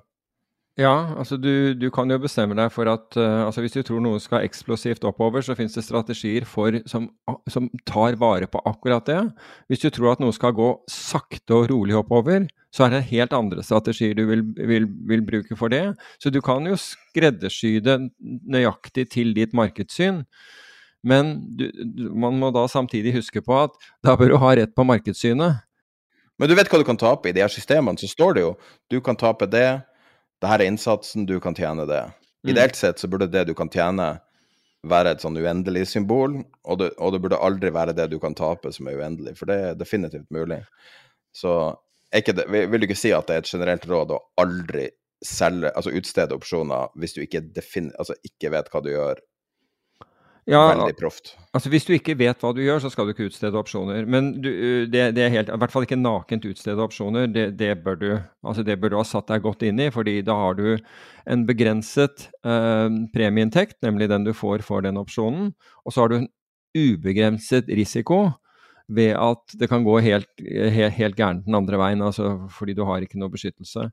Men hvis du gjør f.eks. en opsjonsspredd, sånn som jeg gjorde i, i olje, hvor du kjøper en, en kjøpsopsjon på, på, olje på la oss si 75 dollar, og så selger du en samtidig, eh, du gjør dette i én handel, en, eh, en kjøpsopsjon på 80 dollar, så har du ikke open-ended risk, fordi så lenge du har den 75 altså Da tjener du bare det som skjer, altså maksimalt 5 dollar altså mellom 75 og, og 80 dollar. Går den over 80 dollar, så beholder du de, de, de fem dollarene som du, du, tjener, men du tjener ikke mer enn en det. Så, så det å utstede opsjon, Det er ikke noe galt i å utstede opsjon, men hvis du skal utstede nakent, altså f.eks. du utsteder dobbelt så mange øh, opsjoner på 80-streiken som du kjøper på på, på 75-streiken, that's a whole different ballgame. Og her, da trenger du å vite og Du reiser ikke på ferie med den, for å si det på den måten. Det er en skikkelig widowmaker, sånne sånne trader? Ja, sånne kan, de, de, kan bli en skikkelig uh, widowmaker hvis du ikke vet hva du gjør, og hvis du ikke har f.eks. Eh, stopplosser inne i future-kontrakter eller et eller annet sånt, at hvis den går over der, så kjøper jeg det antall future jeg trenger, eller Altså, det er, det er mange måter å beskytte seg på, men poenget er at du må ha den kunnskapen. Men du kan, ikke, du kan ikke beskytte deg helt, tror jeg, fordi at du har gap moves, du har helger, du har alt mulig som kan gå galt der. Ja, og, ja det, det, er helt riktig. Og i futuresmarkedet har du jo egne dynamikker. Så, og jeg vil si at vi snakka om XIV nettopp, og så sier vi at folk som vet hva de gjør Jeg tror nok at marketmakeren i eh, XIV trodde han visste hva han gjorde. Ja, altså det, det, var vel sikkert elektronisk marketmaking. Ja, han trodde helt sikkert han visste, men de tapte Tror du ikke det var en desk på noe så komplisert? Um, jeg tror det var nok en kombinasjon. Jeg, tror de, jeg tipper at uh, det var elektronisk uh, marketmaking på det meste, men så har du en desk som følger med på risken, og som eventuelt har uh, og stiller priser på, på, på store volum. Det, det, er vanlig. Vi gled jo litt over i å snakke om trade, som vi hadde tenkt å snakke om. Ja, vi om. gjorde det. Kan jeg, kan jeg, spørre deg om en trade-idé? Og, og, når vi snakker om de her ideene her det er mer, ment illustrativt, det er ikke ment som anbefaling, og i hvert fall ikke det jeg skal si nå, men altså generelt sett. Så, og det, det, du burde aldri følge anbefalinger fra folk, du burde aldri bare gjøre noe fordi at noen snakker om det. Altså det er, det er virkelig oppskrifta på å tape penger. Sånn som det jeg skal si nå. Meta, altså Facebook, hadde fått eh, kraftig bot i EU, og at det vi snakka om for ca. nøyaktig et år siden, har nå blitt mye verre for dem. At Uh, nå er det ganske eksplisitt at de ikke har lov å bruke den dataen de har om deg, for å reklamere til deg. Ingenting. Så det betyr Facebook, Instagram-reklamer er ferdig. Det er det, det er det, som var poenget med Facebook og, og, og Instagram-reklamer. Det var at de visste alt om deg, de visste mer om deg enn du vet om deg. Så de kunne forutse deg, din um, De kunne forutse dine handlinger med sånn nøyaktighet at de kunne forutse f.eks. For hvordan parti du skulle stemme på, selv om du aldri hadde sagt noe politisk, eller de kunne forutse om du kommer til å klikke på en link og legge noe i handlekurven, men ikke kjøpe det. De kunne forutse sånne ting. Det som skjer nå, da, er hele det her universet kommer til å endre seg mer, er min, min, min, min påstand. Og da begynner jeg å tenke ok, hva, hva, er det som er i denne verden, da? Du har de store kjempene, Facebook og Google. Og hvis Facebook, som er helt avhengig av å overvåke deg for å ha effektive reklamer, hvis de da virkelig har trøbbel, hvordan eksponerer du deg for det, hvis du skal gjøre det? Og da er vi tilbake til opsjoner og alt det, og hvordan man kan gjøre spreader, og hvordan man kan gjøre andre ting. Så her er min idé, da, og jeg vil gjerne høre hva du syns om en sånn type idé. Fordi at markedet kan stige, markedet kan falle. Det vil påvirke alle aktører likt, sånn mer eller mindre. Og så kan teknologimarkedet stige, og teknologimarkedet kan falle. Og, salg, og sånne reklameaktører kan stige og falle. De ofte beveger seg i litt takt. Så da var ideen da Google er ikke så avhengig av å spore deg, selv om de gjør det. deres primære inntekt er jo at du skriver inn hva du er interessert i i et søkefelt, og så får du opp relevant reklame. Så vidt jeg kan se, så vil ikke det bli påvirka av det her. Så da må jo Facebook være en relativt stor vinner over Nei, er Google en relativt stor vinner over Facebook? Mm. Uh, om det er riktig eller Det kan være at det er megating jeg misser, og det kan være at Metaverse blir en megasuksess. Ikke hør på meg, ikke, ikke gjør den investeringa. Men jeg spør deg hvordan man tenker da. Og så å gå long spreaden mellom Google og Facebook, altså at du forventer at verdien av Google vil øke relativt til Facebook. For det første, hva syns du om den ideen, og hvordan har jeg kommet fram til det? Og hvordan ville du ha uttrykt det for å få mest mulig ut av det, uten å nødvendigvis ta for mye risiko? Uh, altså jeg, jeg, klarer ikke å sånn forensically gå inn i ideen, for jeg, jeg kan ikke dette, dette, feltet godt nok. Du kan det. Uh, så, så, hvis jeg kan ta det som et utgangspunkt, da, det, det, du sier der. Altså jeg ville sett på en del sånne andre matriser som bare sånn sanity check for å se hvordan de var prist i forhold til hverandre osv. Men la oss si at det gikk gjennom det. Altså den, den, måten jeg ville ha gjort det på vanligvis, det ville være å ringe en investeringsbank. altså Det ville sannsynligvis vært en amerikansk eller britisk investeringsbank. Og gjort en total return swap på det, hvor uh, vi ble enige om et utgangspunkt for kursen, hvor jeg da går long Google, short Facebook i en spredd. Uh, og så, så, stiller de, så, stiller de, deg prisen på, uh, på, den spredden. Og da vil jeg da ikke Da, er, da spiller ingen rolle hva markedet gjør for, for, øvrig. Det spiller ingen rolle om disse faller eller stiger. Det eneste som spiller en rolle for utfallet av denne, er at Google, altså hvis de stiger, stiger mer enn en Meta eller hvis de faller, at Google faller mindre enn Meta. Altså at spredden mellom disse to øker. Det, den, det vil være den enkleste måten å uttrykke dette på.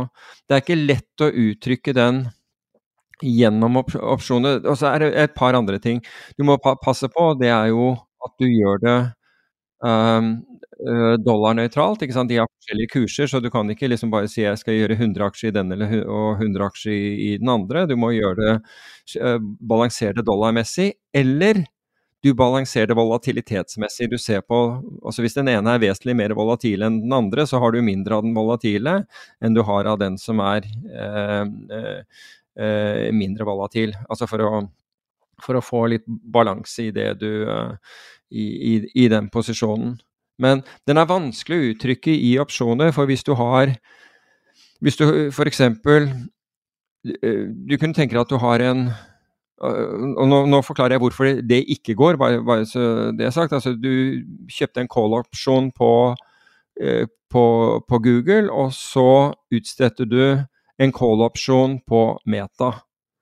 Um, hvis nå begge faller, så får du ikke noe ut av det. Du, du, du, tjener ikke altså Selv om spredden går ut, så tjener du ikke noe, noe på dette her. Så, så, du, så, det vil ikke gå. Um, det, det, samme den andre veien. ikke sant? Hvis du da ut, kjøpte en put-opsjon på, på, på, på, Meta og utsetter en put-opsjon på Google, og, det, og isteden så stiger det, du tjener heller ikke noe penger på det. Så det er vanskeligere å uttrykke på den måten. Du kan selvfølgelig uh, kjøpe Google, altså aksjen, og gå short uh, og, og gå short meta, det er jo uh, det, det, kan du gjøre. Da må du liksom vedlikeholde Da må du stille med, med, med, med sikkerhet og, og, alt mulig. Men, men da, da, vil du jo tjene på den spredden. Men det er ikke gjort via, via derivater, for å si det på den måten. Da er det jo en ren fysisk Jeg går long Google-aksjen, og så låner en, megler meg meta meta, slik at jeg kan være, være short en. De aller fleste ville gjort det på den måten. Jeg ville gjort det i swap, i, swap form, men, men, du kan godt gjøre det på den måten. Men den, den, er vanskelig å uttrykke gjennom opsjoner og få en sånn begrenset risiko. For det er klart at hvis du er long Google, eh, short meta, og så kommer det en eller annen uh, veldig positiv nyhet om Meta som på en måte bare gjelder det selskapet, så har du risk så har du risk, ikke sant, at, at Meta går, og, og, Google gjør det ikke. ikke sant, så, så, så, så, det er vanskelig å gjøre denne spredden med en eh, Altså med en helt definert risiko. Fordi, nettopp fordi du kan ikke bruke opsjoner. Altså Det måtte være hvis, eh, hvis en investeringsbank lot deg kjøpe en call-opsjon på, på, på spredden. Det kunne nok hende, men de ville nok ta seg veldig godt betalt for det. Så jeg vet ikke om jeg ville gjort det på den, på, på den måten. Altså gå, gå, long, uh, gå long Google, short, uh, short, meta. Men som sagt, man må passe på da at man gjør det der i, i et riktig forhold og bestemme seg for om, om det skal være uh, dollar for dollar. Slik at de posisjonene blir like. ikke sant, At du går long La oss si at det var ja, Google-aksje for 50 000 dollar og, og short meta-aksje for 50 000 dollar. Eller om du skal uh, volatilitetsjustere det. Uh, det, ville jeg, det ville jeg gjort hvis det var store forskjeller i volatilitet på disse to. Jeg har, ikke, jeg har, ikke, sett på det, men hvis det var stor forskjell i volatilitet på disse to, så ville jeg vurdert om jeg skulle uh, tviket det litt i, i, slik at jeg fikk en At jeg tok hensyn til det også. Jeg vet at det, det hørtes litt komplisert ut, men det er en Nei, men det er, jo, det er jo det som er artig, fordi at hadde det vært lett, så hadde jo alle gjort det. Hadde finans vært lett, så hadde jo bare alle blitt rike. Mm. Men, men det er jo ikke sånn det er. Altså, det var kanskje sånn når uh, staten trykka penger for den store gullmedaljen, eller sentralbankene trykka penger til den store gullmedaljen, men Da var det i hvert fall tryggere sånn. å gjøre det. Helt opplagt tryggere å gjøre det. Eller det var kanskje ikke det, men det Så. føltes tryggere. Men du, du, kan si at husk på i dag, altså folk kjøper jo ting altså, og er, er long ja, Det å være short, da, da, vet du at du har på en måte uendelig, uendelig nedside. Uh, mens hvis du er long nå, så, så er, er, det ikke uendelig nedside. Nedsiden er at den går konkurs, da, at aksjen går til null. Det skjer heldigvis veldig sjelden, men, men Flyr er jo et eksempel på hvor det, hvor det, nesten skjedde. Det minner meg litt om det sitatet til Howard Marks. The difference between buying good things and buying things well. Mm. Det er ganske fint. Det er jo litt det du beskriver. At uh, det å gjennomføre en handel er en kunst. Ja, også, og, og, du kan si at uh, hvis, hvis, du tar f.eks. Uh, hedgefond, da er det, jo, det er jo ikke vanlig at det er porteføljeforvalteren i fondet som gjør handlene. Det gis til en, til en execution desk hvor de er eksperter på å utføre Altså, denne, de har gjerne flere desker, men execution-desken utfører selve handelen. Men det kan også være at dette går gjennom en gruppe som da finner ut hva er den mest effektive måten å ta denne posisjonen på. Porteføljeforvalteren er bullish til et eller annet, ikke sant? eller f.eks. den traden din.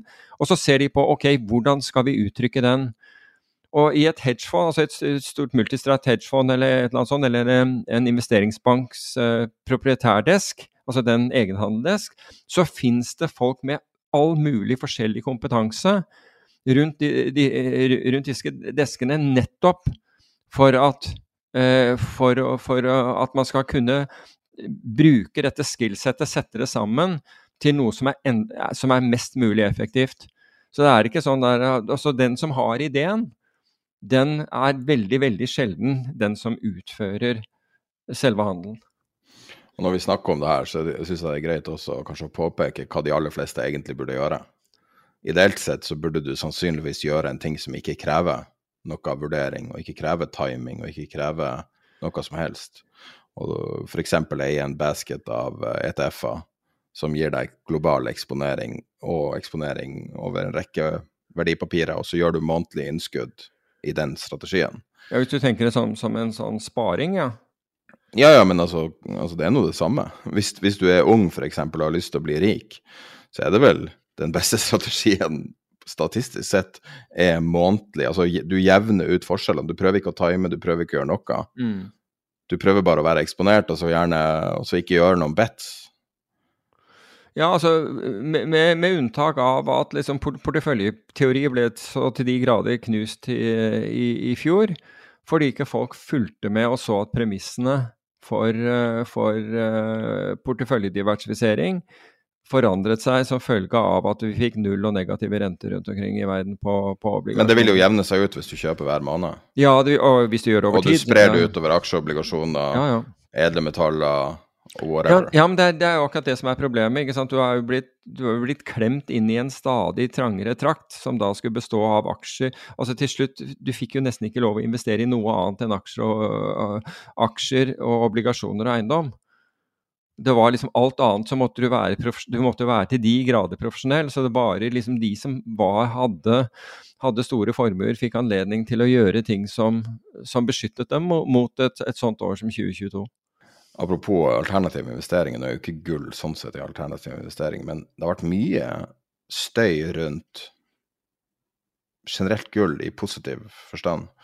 Eh, sentralbanker kjøper Jeg syns jeg ser noe nesten daglig rundt det. Og det er jo en, et verdipapir som eller en eiendel som, uh, som, har blitt på en måte Som ikke har fungert mm. uh, som, som, det det er ment til å være en beskyttelse mot inflasjon, altså at, at kjøpekrafta di bevares.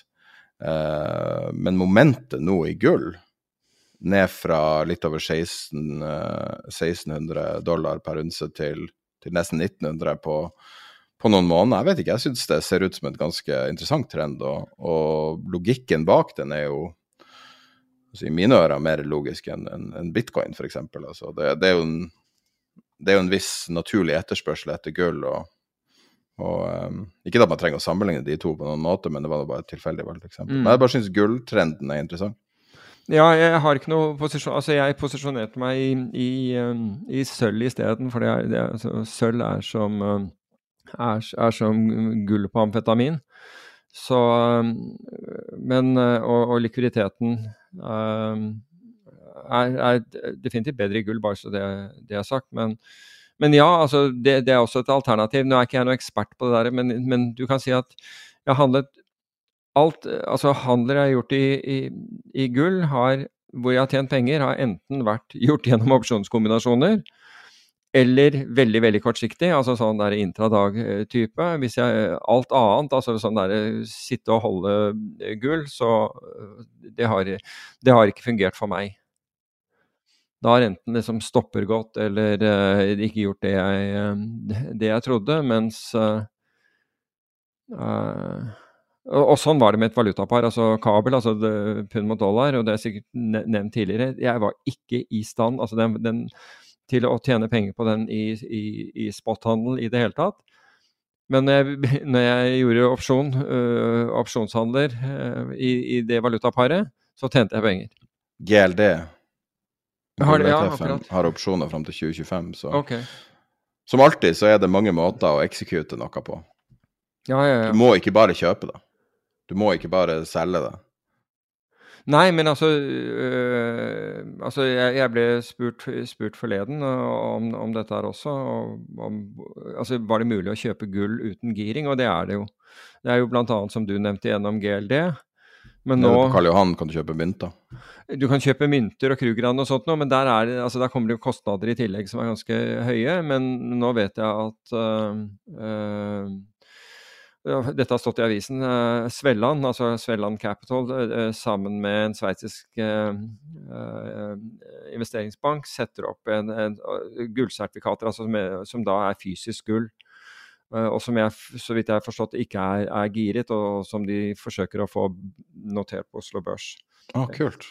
Så, um, Svelland har jo vært gjest, Tor Svelland har vært gjest på podkasten. Det har han. Bruk å, jeg tror linken ligger i nyhetsbrevet og um, i beskrivelsen til denne episoden. Han var også Skandinavias, eller Nordens, uh, hadde Nordens uh, høyeste avkastning blant, uh, blant hedgefond i, i fjor. og hvis du, tar, hvis du tar den HSBC, altså Hongkong Shanghai Banking Corporation, den, den listen deres, eh, bruker den som liksom, verdensrankingen for, eh, for, for hedgefond i fjor, så ville han ha kommet på fjerdeplass med en avkastning på, på 46,6% Så rimelig bra, får en si. Ja, du får betalt for å være smart i akkurat de her markedene, heldigvis. Det er en stund siden sist. Ja. Så, men, men, dette er, det, det, jeg nevnte nå, det, det er helt nytt, uh, et nytt Eh, og det, det, lurer jeg på om er en ETN, rett og slett, som da skal børsnoteres i Oslo. Den, sånn som jeg har forstått det, så skal den børsnoteres i norske kroner. Så hvis man ikke vil liksom handle Hvis man er interessert i gull og ikke vil handle det i å sitte med dollareksponering, så kan man gjøre det gjennom, gjøre det gjennom en sånn. Jeg tror, ikke det har, jeg tror ikke det har begynt å handle enda, så, så, vidt jeg vet. Litt av en reklame han fikk her nå. ja, jeg, jeg, tenkte på det. Ikke betalt for denne her. Altså, det, jeg har ingen Det var litt dumt. nei, jeg har ingen incitamenter her, bare så, så, det er sagt. Men det var bare siden du kom inn på det med, med gull, og vi har fått spørsmål om om, om, det er mulig å handle gull ugiret, så, eh, så, har jeg forstått at det er ugiret. Ja. Eh, jeg vet at du vil snakke litt om strøm og den her 90% Ja. Jeg vet ikke akkurat hvor du vil hen, men vi kan, vi kan vi starte med noen fakta. da. Før helga så gikk regjeringa ut og, og skrøt av at det har vært rekordhøy utbetaling av strømstøtte for uh, desember. I januar nå, altså da betales ut 8,4 milliarder for desember i refundering av de her blodige strømprisene. Mm. Som skal være 90% av snittet over 70 øre. Ja, altså jeg tok og Jeg har regnet på, på, på min. Og for det første, altså når, når, regjeringen går ut av det der, så burde, burde den isteden ha sagt at den har tjent Altså, gevinsten har vært, har vært, like høy, altså etter at de har betalt ut, har vært like stor som, som strømstøtten. Det er, det er, den mergevinsten som, som, regjeringen Det høres ut som regjeringen liksom har tappet reservene sine for å, for å betale ut, uh, ut denne kompensasjonen. Men eh, de har da gitt fra seg ca. halvparten av gevinsten. Og dette er en regjering som lovet at folket, altså at strøm det, det var, det var, og vannkraft var folkets eie. Men jeg så på det selv for egen del, fordi eh, jeg, den appen min gir, eller den appen jeg har på, på strøm, den, den, forteller litt om, om, om atferd også. Og atferden min var at forbruket på, på strøm var, var 19 lavere i desember i fjor, altså i, eh, nå før, før årsskiftet. Så, så, det, og, så har etterisolert Jeg har brukt én kubikkmeter med, med, med, ved. Og gjennom det så har jeg klart å få ned den der, så har jeg klart å redusere strømforbruket med 19% Og så har jeg, og i tillegg så har jeg, har jeg fulgt eh, regjeringens uh, hva jeg mener brannfarlige eh, oppfordring. Og det er jo at du, du, skal, bruke, du skal, bruke, mest, du skal bruke strøm, uh, altså mest strøm når, når prisen er lav, dvs. Si på natta. Slik at, det, jeg synes det er helt utrolig at de kan oppfordre til brannfarlig atferd. Altså slik at vaskemaskiner og tørketromler og oppvaskmaskiner jeg har stått på på natta, hvor, hvor, den er lavest, og gjort det jeg kunne for å komme ned. Allikevel så kostet det Og jeg har gått med tre lag ull, jeg tuller ikke. Allikevel så kom strømregningen på 8100 kroner etter at du har fått tilbake eh, kompensasjon. Og når jeg regnet da på hvor mye hadde jeg fått i kompensasjon, for jeg skulle få 90% Nei, fått 58 Og det er fordi de legger dette De bruker gjennomsnittet. Og gjennomsnittet er jo sånn, er jo der for at du skal da bruke strøm når strømmen er billigst. Men det er det samme som å oppfordre til brannfarlig atferd. Og jeg tenker den derre Når et eller annet hus brenner ned fordi folk har, fulgt denne her oppfordringen om å, om å forsøke å, å, flytte forbruket sitt til midt på natta. For du, du, står jo ikke opp og spiser middag klokka tre om natten. ikke sant? Det er jo, det er jo sånne ting som de applikasjonene du bruker, f.eks. oppvaskmaskin, tørketrommel og, og, og vaskemaskin, som du kan da påvirke dette med. Jeg lurer på om altså Hvis det fører til at noen mister livet, altså hus brenner og noen mister livet Jeg kan garantere deg, det står ikke noen fra regjeringen og ber om unnskyldning i den begravelsen. altså. Det er jeg temmelig sikker på. Og jeg, som sagt jeg, jeg, jeg, gikk med tre lag ull i, i, i, desember. for Jeg tenkte nå skal jeg virkelig gjøre en innsats for å få dette, dette her ned. Prøve å etterleve dette så godt du, godt du, kan.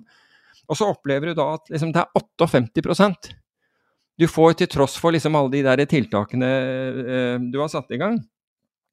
Og så, og, så, og så, slo det meg og det var jo, Jeg så jo statsministeren tale, og så, så, slo det meg at antageligvis de eneste som har hatt liksom over 18-19 grader eh, i innetemperatur, det er vel antageligvis regjeringsboliger og den derre koblingsboksen til eh, Bane Nor på Follobanen. Det er vel det eneste stedet hvor det har vært over 19, 19 grader i, uh, i, desember. Hva? Nei. Det var, det var fint. Det var herlig topical. Ja, men uh, altså vi... Så hvis du hører på noe ett år senere Det her var en stor sak i 2023. ja, men altså Ja. Men altså, det der, hvorfor ikke ja, Det er helt utrolig. Men, men så oppdaget jeg altså det, Hvem hadde trodd Hvem hadde trodd at at Jonas Gahr Støre skulle bli Trond Giskes beste PR-mann? Den så ikke jeg komme. Ha, den hadde du ikke trodd. Det er helt utrolig.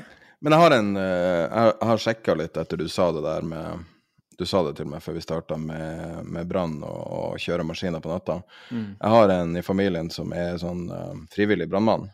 Og han hadde nevnt noe om det en gang, så jeg sendte han SMS, og så fikk jeg svar. fordi han, han hadde sagt at noen har sagt at oppvaskmaskinen på kjøkkenet er den uh, farligste, altså den største brannfaren av dine artikler. Og så, så, var det da en branninspektør som hadde følgende, den påstanden, som er på grunn at det svake punktet der elektronikken skal inn døra. Og det var når han sammenligna oppvaskmaskin, vaskemaskin og tørketrommel. Så oppfordringa til deg er vask i vasken, eller drikk av pappkopper eller et eller annet, hvis du ikke vil, eh, du ikke vil kjøre den på dagen. Eh, fordi at eh, oppvaskmaskinen er brannfelle. Ja, det er det sikkert også. Men altså hele denne greia kom, kom, altså, Hvis du ser på det Jeg, jeg kikket på et chart av det i, i romjulen av hvor stor andel av Altså, vi har den der ACER-avtalen, ikke sant, som da går mot Europa, og hvor vi leverer strøm fordi de, de, de, trenger det. Men hvis du ser hvor stor Altså prosenten disse landene bruker av Altså hvor stor prosent elektrisk strøm utgjør av oppvarmingen deres Ta Tyskland, det er, det er, vel, det er under 5 det er 100% bortimot i Norge, og det er, det er, under 5% Og det gjør jo Altså, når det er så små prosentandeler som den strømmen vi leverer, betyr for totalregnskapet for oppvarming i Europa, så er det jo ingen som bryr seg om den prisen. Altså, hva du betaler for de der få prosentene, er ikke vesentlig. Og derfor skal du by det til himmelen, fordi i det store regnskapet så, er, så, så spiller ikke det noen rolle. Men det er det som bestemmer prisen for 100% av nordmenn. Fordi vi, bruker, fordi vi, bruker, vannkraften. Det er den som er vår kilde. Og derfor så er den der ACER-avtalen helt vill, sett med norske øyne. Er et, altså det er en politisk bevisstløshet til å inngå den, den, den avtalen. Og så det, har det gått prestisje i det, slik at man ikke kan si nå skjønner vi mer slå en strek over dette. La oss få orden i eget hus. La oss oppfylle de valgløftene som vi ga når det gjaldt bl.a. Uh, strøm. Altså Aasland var, var, var, en av dem. La oss oppfylle disse her. La oss bare få nullsatt dette her en gang for alle. Men nei, vi skal mikke og herje og frem og tilbake, og det går ikke an. Og hvis det var, så skal vi oppnevne utvalg ikke sant? Før det skjer, ikke sant, så går folk over ende, og Gud forby, noen brenner inne. Fordi de har liksom fulgt denne, denne atferden som, som, de er blitt enten oppfordret til, som jeg mener at man, man det indirekte i hvert fall blir, som, som, man har lagt opp til. Det er jo helt meningsløst. En av de styrkene når uh, Bill Clinton stilte som uh, presidentkandidat i 92, uh, en av de tingene som gjorde at han ble så populær, var det at han innrømte feil. Han innrømte personlige svakheter. Så det er en sånn historie om når han var i ei sånn, um, sånn kirke uh, Sånn type sånn um, Jeg vet ikke hva det heter for noe sånt. Det, så der de synger masse, og det, det, er primært svarte folk som er der. Det er veldig sånn det er, hva det heter Pentecostal Church eller et eller annet sånt, men veldig sånn ekstrem, da. Og masse, masse mørkhuda damer som er der, som er skeptisk til en hvit mann som kommer inn døra og sier han skal stille som president. Og så, holder han en tale, og så sier han jeg har gjort så mange feil i livet. Jeg er ikke perfekt. Jeg, jeg, jeg er full av personlige svakheter. men jeg kommer til å fighte for dere, jeg kommer til å jobbe for dere. Og de mister helt fatninga og elsker han med hele sitt hjerte. Mm. Fordi at det at han kommer inn og sier du, jeg er ikke perfekt, jeg har ikke svaret på alt, men jeg kommer til å fighte for det. Og, og mange mener at det er en av de grunnene til at han gjorde det så bra, var at han gjorde det motsatt av det absolutt alle i politisk ledelse gjorde. I lignende i debatter så var det folk, andre folk som kom med forslag, sier han det var en god idé, det skal jeg også gjøre. Og så bare sånn, Har du noen gang hørt det i en politisk debatt i Norge? Jeg har aldri hørt det. Alle står bare og kjefter på hverandre. Det er aldri noen som sier det er jeg enig i, det er en god idé. Jeg gjorde feil der, jeg skal ikke gjøre det igjen. Mm. Selvfølgelig trodde vi at strømmen skulle ikke bli dyrere, fordi alle ekspertene sa det. Det var feil, vi skal fikse det. Jeg gjorde Ja. en feil, vi skal fikse Det er jo så utrolig appellerende når folk tenkt, innrømmer ja. feil. Jeg har tenkt deg å høre det. Jeg tror, jeg tror du hadde antakelig tvert sett det på meningsmålingene. Men altså, hvis, hvis jeg var, men hvis jeg var opp, opposisjonspartier, partier, eh, eller et av dem, så ville jeg jo virkelig bare håpet, altså bedt til Gud om, om at ikke denne regjeringen finner på å gjøre noe sånt. Altså, jeg håper jo, altså, jeg vil jo bare at folk skal være flinke. Jeg driter i hvem som styrer landet. Jeg har aldri brydd meg om partipolitikk. Men det er jo det at grunnen til at det har blitt et tema, gjengående tema i podkasten her, er jo fordi at det påvirker vår verden, altså finansverden. Det påvirker makroøkonomiske faktorer. Det er det eneste, Man feller seg sjøl så til de grader. Landet er mye svakere nå enn det var for to år siden.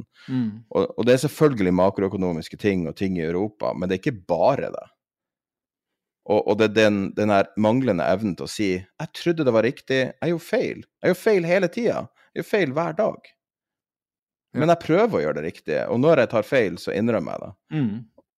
Vær så snill, kan ikke en eller annen si det der i en debatt? Du kommer til å, alle andre kommer til å sette kaffen i halsen og vet ikke hva de skal si, for det eneste de kan, er å angripe hverandre.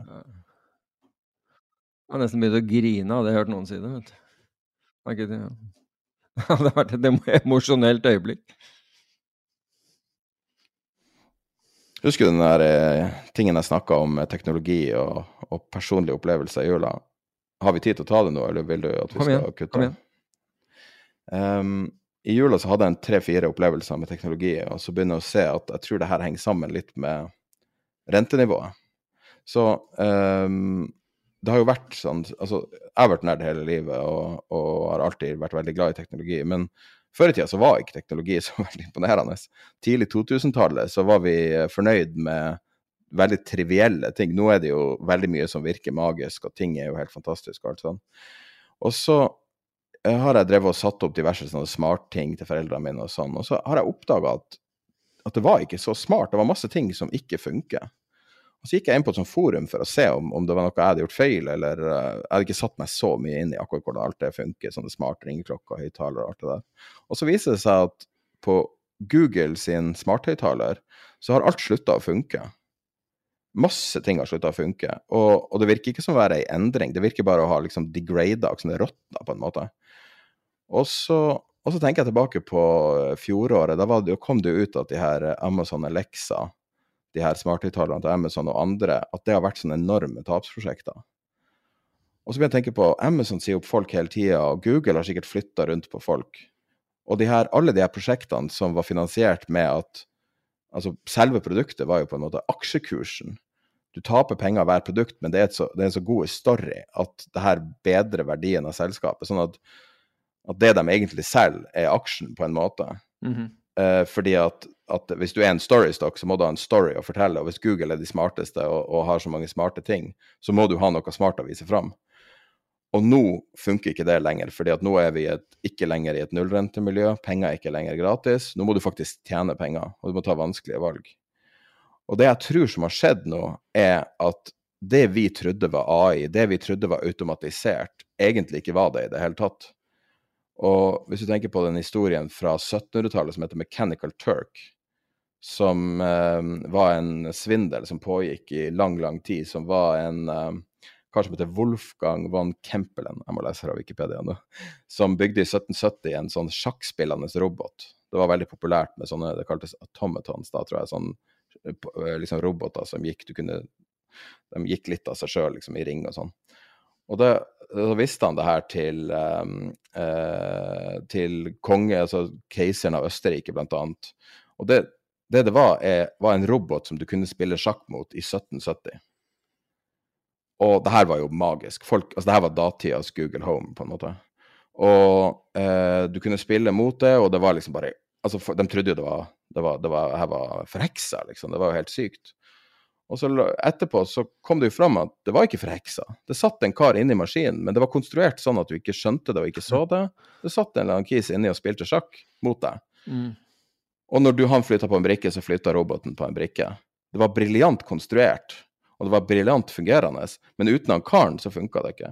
Og det er det jeg tror som begynner å skje nå i eh, teknologi. At alle de her folkene, de her tusenvis og tusenvis av ansatte i Google, Facebook og alle de her, kan ikke lenger jobbe der, eller kan ikke jobbe med de her trivielle tingene. De her tingene som ser magiske ut. Fordi at jeg vedder på at du må massere data så mye, og du må gjøre så mye backend-jobb for at det her skal funke. For at Google Home skal være magisk. Og det sekundet de slutter å jobbe med det, eller blir eh, flytta rundt i bedriften, så slutter det bare å funke. Og vi har jo sett det her i en rekke selskaper nå, der ting bare slutter å funke. Og jeg tror at det her er en konsekvens av nullrentemiljøet. Ja, altså, jeg, jeg, skjønner hva du sier. Jeg har, jeg har ikke teknologisk eh, kunnskap sånn som du har om dette, eller, eller fulgt med på, på, det sånn. Men dette vil jo være et, nok et eksempel på hvor det, hvor det, egentlig ikke finnes en ny økonomi. Altså det, Eh, det, var, det, er økonomi, og det ser vi jo når den nye økonomien punkterer pga. hendelser i den underliggende økonomien. Og hendelsen i den underliggende økonomien er den du nevnte, nemlig at vi fikk inflasjon og rentene begynte å stige. Og dermed så endres avkastningskravet. Og penger begynner å, eh, begynner å, begynner å koste penger. Og dermed så det kan godt hende at det er riktig at det man priset, var, var the story in the story stock. At det er faktisk the story du, du, du priser. Men når kosten av penger går opp, så flytter jo det eh, Så flytter jo fokus seg fra the story story, som er liksom the brilliance of the technology, til inntjening, hva koster dette, hva er, hva er, alternativet mitt til å sitte og holde denne aksjen, eller finansiere dette, dette, dette selskapet? Så det er egentlig igjen full circle. altså Ny økonomi, fantastisk. Se hvor mye vi skaper. Se på disse emisjonene. Vi får ut alt. Vi, alt skal virke. Og som vi snakket om sist gang, det blir priset som om det allerede er i full produksjon og fullt salg og, full, og, og, og har full inntjening når det er på tegnebrettet. Og, og, for meg som har vært noen runder i, i finans, så har jeg jo sett dette før. Jeg har sett det mange ganger. Jeg, altså, Endron. Ja, og eh, enda lenger før det. altså Tilbake til, eh, tilbake til eh, altså Ikke at det var noe galt med norsk data, men da, da norsk data liksom slo igjennom, så kom sprutet ut selskaper. Scanvest, Ican, Simex og alle disse her som dundret ut etter det med med sånne tungebrekkende eh, bokstavkombinasjoner, som alle altså ble priset som, som om suksessen allerede var der. Og det, dette gjorde vi på nytt igjen i under.com, og på nytt igjen nå med billige penger under slutten av, av, av QE, eh, spesielt eh, i, i, eh, når eh, pandemien inntraff. Og da var det jo ingen grenser. Da var det jo penger in abundance og ingen krav. Altså all, alle ideer var gode ideer. Og nå er vi i en mer edruelig fase. Og det tror jeg også gjør at, at du ser en mye større uh, mye større spredning uh, i analytikerestimater, hvor det er en del analytikere som sitter og ser ja, men hør her. Altså, noen, bare, noen har jo bare antatt eh, tatt den holdningen at eh, du skal stole på, på, meg i år fordi jeg bomma fullstendig i fjor. Det er grunnen, liksom sånn. Så jeg sa at du skulle få tosifret avkastning i, i, i, i, fjor. Det fikk du ikke, så jeg sier at du skal ha tosifret avkastning i år, så i år må du tro meg. Ok, jeg skjønner ikke helt logikken, men så har du andre som sier at ok, verdensveksten eh, vil avta. I enkelte områder så vil det sannsynligvis bli en resesjon. Følgene av det vil sannsynligvis være lavere inntjening, altså mindre, mindre handel, lavere inntjening. Lavere inntjening for bedriftene vil sannsynligvis bety lavere aksjekurser for en del. Så Og, og, og nå Altså, jeg syns jo bildet er mye mer nyansert nå blant analytikerne, tror du påpekte det in initielt, enn enn det var på 2022, 2022 hvor liksom, vi snakket om for, forrige gang, alle samtlige bommet, ferdig med det. Men nå er det mer nyansert. Men jeg syns ikke altså Jeg er ikke sånn at jeg tror alle, alle mener at det skal, skal ned, men det er langt mer nyansert. Men argumentene er egentlig det samme som vi fikk i kjølvannet av, av dotcom. Og i kjølvann av den, den, eh, den teknologiboomen da, som, som inntraff på, uh, på, på 80-tallet. Egentlig akkurat det samme. Altså, så historien gjentar seg, men, men, i variasjoner. Jeg tror bare ikke vi har tatt inn over oss hvor viktig det er at vi ikke har null kroner, altså, altså null, uh, null kostnadpenger det treffer alt overalt, mm. i alle former. Ja. Og så tror jeg også at vi kanskje overvurderer litt konseptet geni. Jeg mistenker kanskje at folk er ikke fullt så genier som de gjør seg ut for å være. Nei. Jeg er veldig mistenksom for alle som utgir seg for å være geni. ja, de som utgir ja, Det er vel et dårlig tegn at du utgir deg for, for, å være det. Men at det finnes genier der ute, det er uten, uten tvil gjør, gjør, det det. Men at, eh, at det skal være Jeg har tvil på at det gjør det. Ja, men at det skal være 15 av dem på dusinet, det tror jeg ikke. For å si det på, Nei, det for, for, for, å si det på den måten. Jeg, jeg, tror de en, jeg, tror de er unicorns. Og hvis uh, Mark Andreessen og Sam Bankman-Fried har visst én ting Du er ikke smart bare fordi du snakker fort. Nei.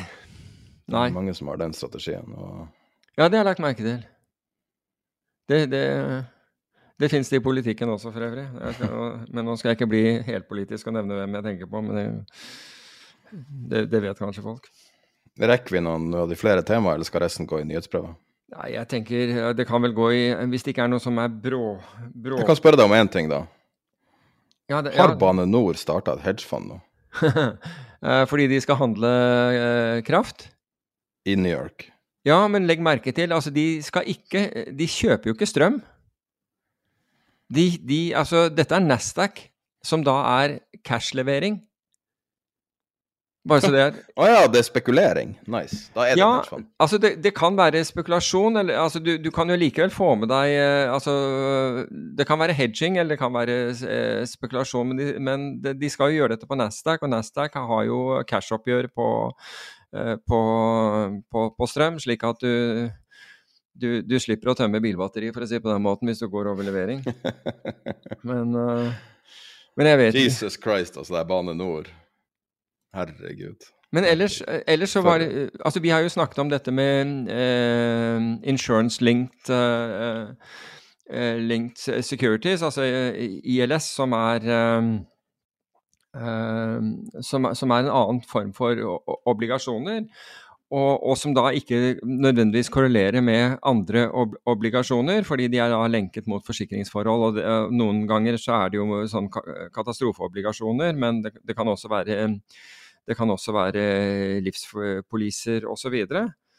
Og nå har et av verdens største, øh, største oljefond, altså nasjonale fond, Adia, altså Abu Dhabi Investment Authority, de har satt opp en egen uh, gruppe uh, og et eget mandat for den type, uh, for den type investeringer.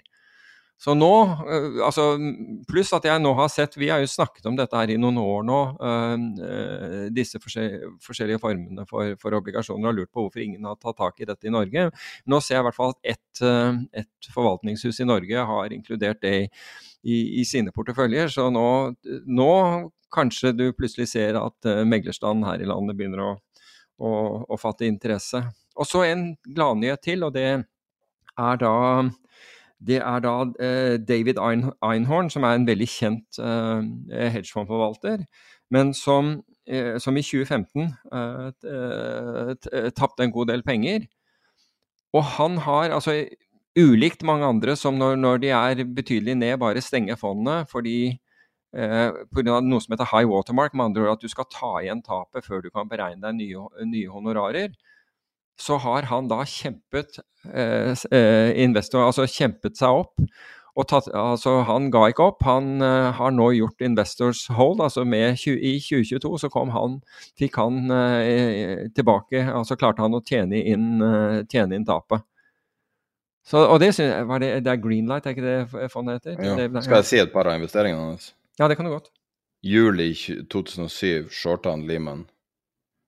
Mm. Uh, han gikk i fight med Barmer for å heve han fra Microsoft. Barmer, jo, Barmer var jo helt forferdelig for Microsoft.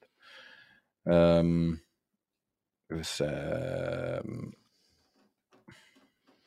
Hans claim to fame er vel den store Lehmann-investeringa, men han er, jo, han er, jo, liksom Triple A, altså navnet hans er, han er helt det. på topp. Men det har vært så mange som jeg føler som da har med en gang de har fått litt motgang, så har de stengt ned fondene. Ja. Men uh, Det her, Han bare viser hva han er laga av. Ja. Enkelt og greit. Det her, altså uh, Han har jo enkelte motparter som har vært på hans nivå. Jeg tenker på uh, F.eks. Dan Loeb har jo hatt en falmende mm. stjerne. Mm. Uh, men du har en rekke av de her store altså Ray Dalio vil jeg si har mista litt troverdighet også, men, men, det er jo mange som er uenig med det. Men uh, store forvaltere har ikke nødvendigvis uh, ordentlig substans. Og um, det er mange som Så jeg syns det der er spesielt. Det skal legges merke til. Men nå, nå kommer dette her til å høres ut som rene markedsføringen av, av, av Tor Svelland, men han hadde også et fond som da var, var, forvaltet av en annen person, men som var innunder Svelland Capital, som gjorde det dårlig, og det overtok Svelland eh, forvaltningen av, og gjorde Investors Hold der også. Og han kjempet også det opp igjen uten, uten honorarer. Ja, men altså, For å så... si det sånn, du kan jo bare se hvem som valgte Svelland å jobbe med, så skjønner du at han må være laga noe annet. Så eh, om folk opplever det som markedsføring, så får det med å være. Det er ikke ja. det. Vi har hatt han som gjest, vanlig gjest én gang i podkasten, fordi han er, han er spesiell og han er skarp. Ja da, altså nå, nå er Aldri fått ei krone fra han. Nei, men, men Nei. Uh, og, og, ja, Disclosure, du har investert i et av fondene? Jeg har investert i et av fondene som vi har, vi har nevnt før. Men det, dette er ikke, det har ikke noe med, med, det å gjøre. Men altså, når vi nevnte David Einhorn som uh, fordi det har vært ganske sjelden, og, og det så vi jo, uh, ikke minst uh, Melvin uh, Gay Plotkin i Melvin Capital, som da tapte på GameStop, hvor han prøvde å gjøre akkurat det samme. Han prøvde å liksom stenge fondet og åpne. Og, og, og åpne, nytt, åpne fondet på nytt igjen, men da trakk alle investorene seg, så da var det over. Og det var over for denne episoden av Tid er penger. Vi er tilbake eh, neste uke med en vanlig episode, og denne uka kommer vi garantert til å komme en Patrion-episode. Det har vært litt trått pga. jula. Lover det kommer nå. Ses. When you make decisions for your company, you look for the no-brainers. And if you have a lot of mailing to do, stamps.com is the ultimate no-brainer. It streamlines your processes to make your business more efficient, which makes you less busy. Mail checks, invoices, legal documents, and everything you need to keep your business running with Stamps.com. Seamlessly connect with every major marketplace and shopping cart. Schedule package pickups and see your cheapest and fastest shipping options from different carriers, with rates up to 89% off USPS and UPS rates. And with the Stamps.com mobile app, you can take care of mailing and shipping wherever you are. Make the same no-brainer decision as over 1 million other businesses with Stamps.com. Sign up with Code PROGRAM for a four-week trial, plus free postage and a free digital scale. No long-term commitments or contracts. That's Stamps.com. Code PROGRAM.